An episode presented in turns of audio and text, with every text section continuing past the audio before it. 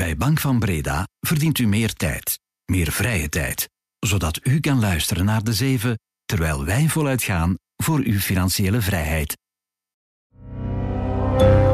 Welkom bij de zeven van de tijd.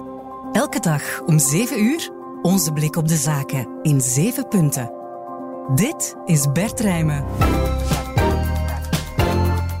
Goedemorgen. Er zit een herstructurering aan te komen bij de Vlaamse busbouwer Van Hol, heeft onze redactie vernomen. Vakbonden vrezen dat er jobs zullen sneuvelen. De bitcoin is sinds de cryptowinter twee jaar geleden 250% gestegen. Nu gaat de koers richting 60.000 dollar. Hoe is dat succes te verklaren en gaat het niet te hard in de cryptowereld? En op een jaar tijd is de prijs voor garnalen verdriedubbeld. Door die recordprijzen en een tekort aan garnalen schrappen sommige restaurants klassiekers als garnaalkroketten van het menu. Het is woensdag 28 februari. Welkom. De zeven van de tijd. 1. Een van de grootste werkgevers in Vlaanderen, de Lierse busbouwer Van Hol, staat er financieel bijzonder slecht voor. Onze redactie is te weten gekomen dat er in maart een bijzondere ondernemingsraad komt. Zowel in de politiek als bij vakbonden wordt verwacht dat daar een herstructurering aangekondigd zal worden. Het Kempische familiebedrijf moet nog miljoenen aan achterstallige sociale bijdragen betalen, betaalt leveranciers te laat en er is een crisismanager aangesteld, de Nederlander Mark Zwaneveld. Een derde van de werknemers is nu al tijdelijk werkloos. De busbouwer hoopt op een reddingsboei van de Vlaamse regering, maar hoe erg is de situatie en kan Van Hol het tij nog keren? Goedemorgen, Daan Bleus, collega van de politieke redactie. Dag Bert. Hoe erg is die uh, financiële situatie bij Van Holdaan en ja, van waar komen die problemen? Ja, alles wijst erop dat het er erg slecht aan toe gaat. Hè. Nu, leveranciers spreken over laattijdige betalingen. Er sprake is van die achterstand, zoals je al zei, in RSZ-bijdragen. En vooral eh, het bedrijf heeft aan de alarmbel getrokken bij de politiek, horen we. Mm-hmm. Er zijn verschillende redenen. De busbouwer heeft eh, een strategische misser begaan door jarenlang zwaar in te zetten op waterstof. Dat bleek niet de toekomst. En daarnaast is de coronacrisis nooit echt te boven gekomen. Dus na drie opeenvolgende jaren van zware verliezen zijn de, zijn de financiële buffers opgesoupeerd. En tussen 2019 en 2022 is het eigen vermogen gedaald van 130 miljoen euro naar 30 miljoen euro, dus met 100 miljoen euro. Afgelopen zomer zei CEO Philip van Hol dat hij verwachtte dat, uh, dat het bedrijf dit jaar break-even zou draaien. Dat is niet gelukt. Uh, de hoge inflatie en de aanhoudende, problemen met toeleveringsketens, ook bijvoorbeeld technische euro's in bussen, uh, ja, maken dat het bedrijf blijft kwakkelen en dat de busdivisie dus niet rendabel is. De trailerdivisie van vrachtwagens is dat nog wel. Ziet er niet zo goed uit. Eh, Daan, is een ja, reorganisatie met verlies van jobs dan onvermijdbaar? Wat kan de impact zijn? Ja, de politiek verwacht dat en ook de vakbonden spreken zelfs over de wet Renault. Dat is de regeling voor collectieve ontslagen. Mm -hmm. um, en ze verwachten dat dat op 11 maart zal aangekondigd worden. Dan is er die bijzondere ondernemingsraad gepland. In uh, Lier werken in totaal 2500 mensen. Daarmee is Van Hool een van de grootste werkgevers van Vlaanderen. Uh, ongeveer de helft werkt voor de busdivisie en daar wordt dan uh, ja, toch wel zware uh, ontslagen verwacht. Dan gaat het over ja, honderden mensen. Mhm. Van Hol vraagt nu hulp aan de Vlaamse regering. ja, wil die helpen of zijn er nog andere opties? Ja, in de regering is het wel alle hens aan dek om wat ze dan een Vlaams kroonjuweel noemen, uh, bij te staan. Mm -hmm. Zwaneveld heeft ook al bij kabinetten aangedrongen om hulp. Uh, en je hoort wel in de regering dat daar bereidheid toe is. Alleen, uh, de politiek heeft al veel gedaan. Er zijn al veel waarborgen goedgekeurd op leningen de voorbije jaren. Dus als, als ze dat opnieuw zouden doen, dreigt de politiek in de problemen te komen met Europese staatssteunregels. Een andere optie is dat, uh, dat de Vlaamse overheid zou instappen in het kapitaal van Van Hoo. Maar ja, dat ligt erg voelig. Ja, Vlaanderen dat een busbouwer wordt, bij wijze van spreken. Mm -hmm. Dus daar zijn weinig evidente oplossingen. Uh, het is zeker dat een herkapitalisering nodig is. Hè. Vers cash, niet in het minst, dreigen ze dat nodig te hebben om ontslagrondes te betalen. Afwachten dus wat er uit die bijzondere ondernemingsraad komt op 11 maart. Dankjewel, Daan. Graag gedaan. 2. De Duitse cementreus Heidelberg Materials plant een mega-investering in zijn Waalse cementfabriek van in totaal 450 miljoen euro. Dat geld dient om CO2 af te vangen, wat de totale Belgische uitstoot bijna 1% kan doen dalen. Nu is de cementfabriek van Heidelberg bij Doornik een van de grootste CO2-uitstoters van Wallonië. Over vijf jaar moeten 97% van die uitstoot opgevangen worden met speciale installaties. Zou gaan om 800.000 ton CO2 per jaar. Dat is bijna 1% van de totale Belgische uitstoot. In de fabriek wordt klinker gemaakt, een bouwsteen voor cement en beton. Dat gebeurt door kalksteen te verbranden, waarbij natuurlijk onvermijdelijk broeikasgassen vrijkomen. Daarom zijn er speciale installaties nodig waarmee CO2 afgevangen kan worden, maar die kosten dus wel een pak geld. Het bedrijf doet onder andere een subsidieaanvraag bij het Europees Innovatiefonds om de kosten te drukken. Tegen eind volgend jaar moeten alle vergunningen rond zijn en wil Heidelberg definitief beslissen over de investering. De koers van Bitcoin is voor het eerst in meer dan twee jaar weer boven de 57.000 dollar gestegen. Goed op weg dus naar de 60.000. Op één dag tijd is de prijs van Bitcoin 4% gestegen. En ook de nummer 2 in de cryptowereld, Ether, zit in de lift. De waarde van alle digitale munten samen zou nu ongeveer 2200 miljard dollar bedragen. Dat is bijna drie keer meer dan tijdens de cryptowinter van 2022.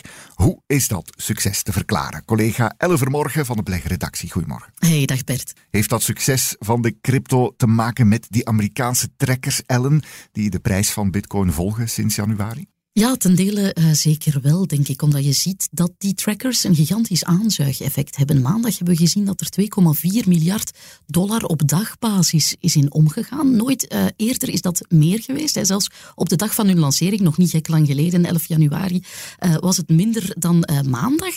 Um, en dat, ja, daar heel veel nieuwe inlagen in zitten. Ongeveer een half miljard daarvan is nieuw geld dat naar die trekkers vloeit. Mhm. En dat doet uh, crypto-believers uh, toch ook uh, vermoeden dat er grote institutionele kopers aan het werk zijn. Dat grote Wall Street-huizen ook ja, zich versterken in bitcoin. En dat geeft natuurlijk een impuls aan de prijs. Dat lijkt een en ander te gebeuren. Eller, zijn er nog andere factoren die een rol spelen? Jazeker. bitcoin gaat richting de zogenaamde halving. Dat is een heel technisch event waarbij de mijnbare bitcoin voorraad wordt gehalveerd. Dat is zo bedacht door het protocol om inflatie van bitcoin een beetje technisch tegen te gaan.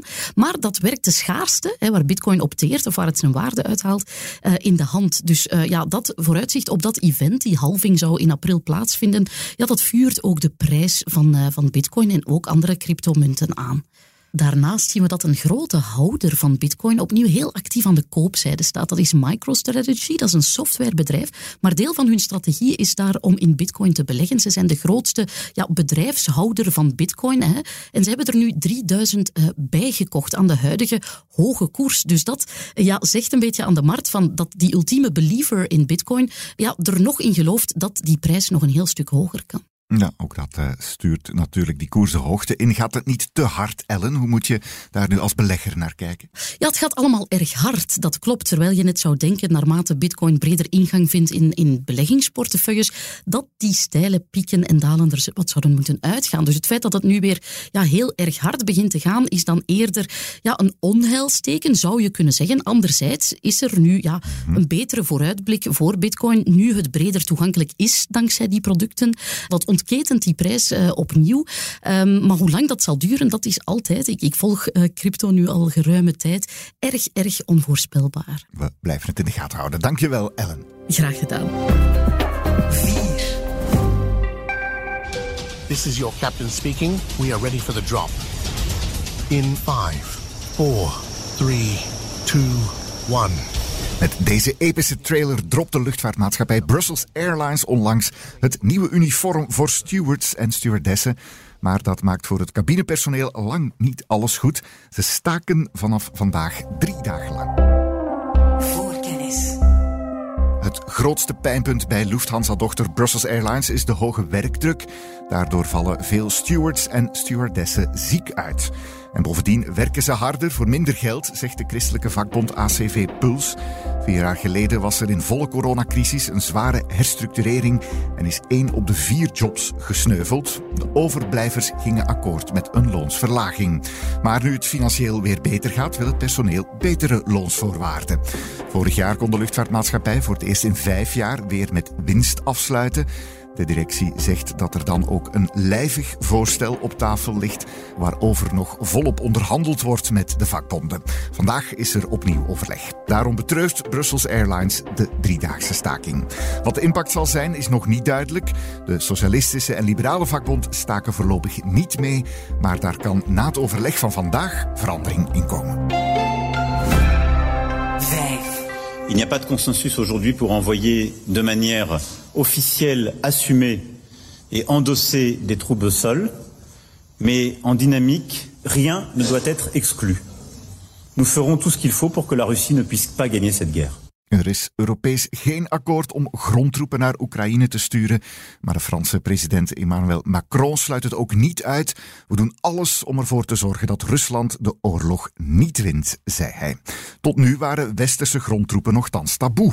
Twee jaar na het begin van de oorlog opent Macron dus de discussie, maar er lijkt voorlopig weinig enthousiasme in Europa voor het idee. Lieve Dirks volgt de oorlog voor onze redactie. Goedemorgen, lieve. Goedemorgen, Bert. Die uitspraak van Macron maakt wel wat los, uh, lieve, maar ja, waarom is het zo'n verrassing en wat is zijn bedoeling eigenlijk? Ja, voor de buitenwereld komt de uitspraak vooral als een verrassing natuurlijk, omdat de Oekraïnse autoriteiten de afgelopen tijd openlijk nooit aangestuurd hebben op het sturen van westerse grondtroepen naar Oekraïne. Mm -hmm. En zoals je zelf al aanhaalde, is het ook een taboe in het Westen geweest tot nu toe omdat het Westen vreest dat ze zo in een direct conflict met Rusland zouden belanden.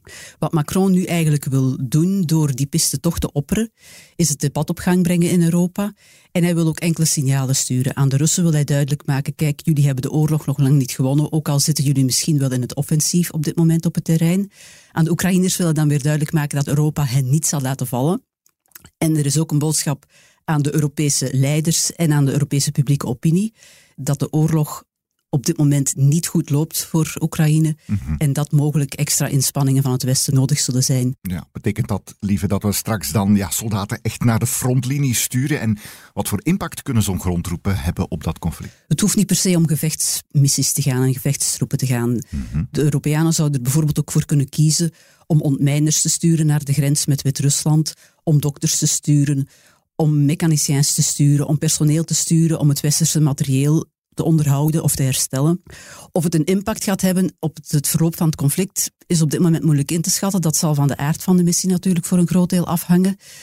Het is natuurlijk een groot verschil als Europa technische adviseurs zou sturen of duizenden grondtroepen. Dat is een ander verhaal. Dan zou er natuurlijk een grotere impact zijn dan wanneer het enkel om technisch personeel gaat. Ja, is het realistisch dat die grondtroepen er komen, lieve? Want ja, voorlopig is er toch weinig enthousiasme, kunnen we zeggen. Dat klopt. Voorlopig krijgt het voorstel van Macron weinig bijval in Europa. Eigenlijk heeft enkel Litouwen het voorstel dinsdag niet categorisch afgeschoten. Mm -hmm. Nu, of dat betekent dat het initiatief onmiddellijk in de prullenmand belandt, dat is ook te vroeg om te zeggen. Aanvankelijk kanten veel landen zich ook tegen het sturen van wapens, munitie, lange afstandsraketten, tanks of gevechtsvliegtuigen.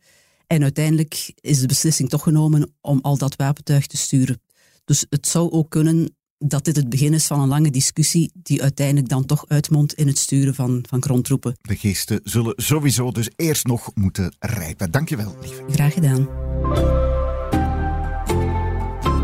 Zes. Er komen voorlopig geen nieuwe consultants meer bij Bpost. Dat zei CEO Chris Peters gisteren in de Kamercommissie Overheidsbedrijven als reactie op de vele schandalen van vorig jaar. Gisteren deed de nieuwe Bpost-CEO Chris Peters voor het eerst zijn plannen met het overheidsbedrijf uit de doeken in een hoorzitting voor de Kamer. Daar zei hij dat hij toen hij in november begon meteen alle nieuwe contracten voor externe consultants heeft stilgelegd.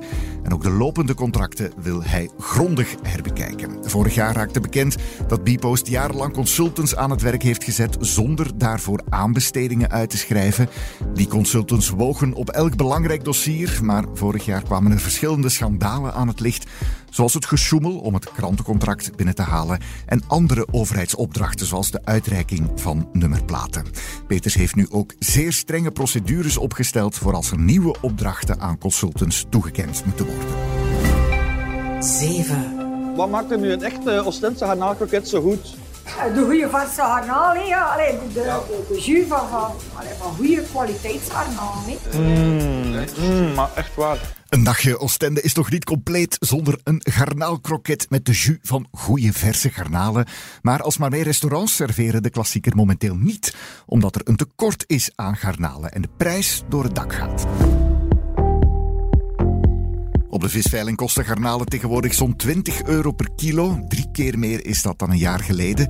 In de viswinkel betaal je voor gepelde garnalen soms meer dan 80 euro per kilo. En op restaurant tot 20 euro per kroket. De prijs van garnalen begon eind vorig jaar te stijgen omdat de vangst tegenviel. De garnalenpopulatie staat al een tijdje onder druk. Waarschijnlijk deels omdat er te veel wijting in de Noordzee zit en die vis eet de garnalen op. En door de klimaatverandering is er ook minder voedsel voor de garnalen zelf. De situatie zorgt niet alleen voor hoge prijzen, maar ook voor tekorten. Zowel vishandel, supermarkten als restaurants krijgen soms maar een tiende van wat ze bestellen. Verschillende producenten van de garnaal kroketten maken ze momenteel gewoonweg niet. En sommige restaurants halen gerechten met garnalen ook van de kaart. De problemen kunnen nog maanden aanslepen, zegt de sector. In de zomervakantie begint het nieuwe vangstseizoen. Dan moet blijken of het dit najaar weer beter wordt. Tomatcrevetje nogthans ook heel lekker, maar duur dus. Daarmee zit deze de 7 er weer op. Fijne dag toch nog voor iedereen en tot morgen. Dit was de 7 met Bert Rijmen. Productie door Lara Droesaert van op de redactie van De Tijd. Bedankt om te luisteren. Morgen zijn we er weer. Tot dan.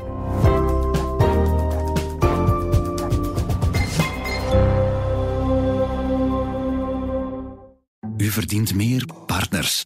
U verdient meer zakenpartners. U verdient meer zakenpartners zoals Bank van Breda. Zodat u echt tijd kan maken voor uw levenspartner. Ook u verdient meer Bank van Breda. Professioneel en privé. Bank van Breda. Enkel voor ondernemers en vrije beroepen.